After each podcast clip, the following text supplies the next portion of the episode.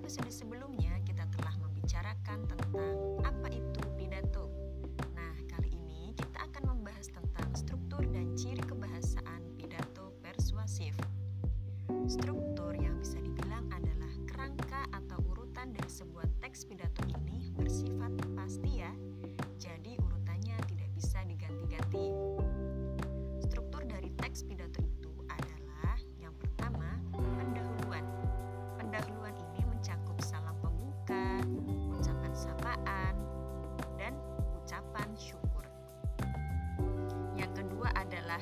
pidato.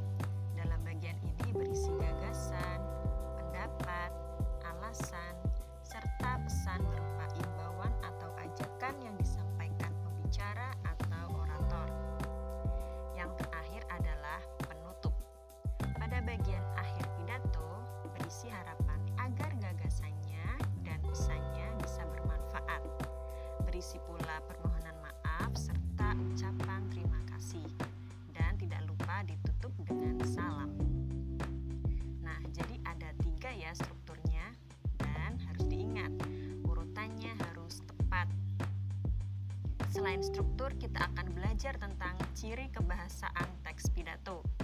Biasanya yang muncul adalah penggunaan kalimat aktif. Contohnya pada kalimat kita harus menjaga kesehatan terutama di masa pandemi seperti ini. Nah, kalimat aktifnya muncul pada kata menjaga. Ciri selanjutnya adalah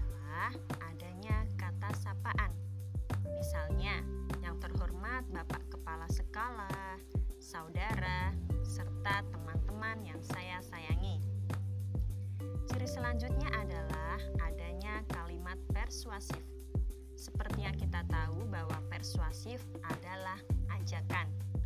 Contoh katanya adalah marilah, seperti dalam kalimat marilah kita saling menjaga agar tercipta lingkungan yang kondusif serta nyaman. Selanjutnya ada kosa kata emotif. Kata ini berkaitan dengan emosi seseorang. Biasanya pembicara memilih kalimat yang menyentuh. Kalian bisa mengolah kata yang indah dan menyentuh agar pendengar kalian lebih tertarik dengan pidato yang kalian sampaikan. Yang terakhir ada pula penggunaan kata abstrak. Kata abstrak merupakan kata benda yang tidak ada wujudnya. Misalnya, kebersihan.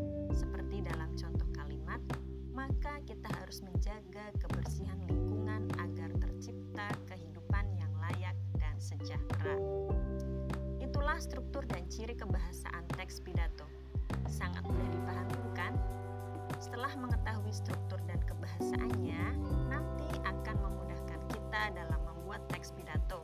Selain itu, teks pidato kita akan lebih mudah dipahami pembaca atau pendengar kita. Semoga kalian yang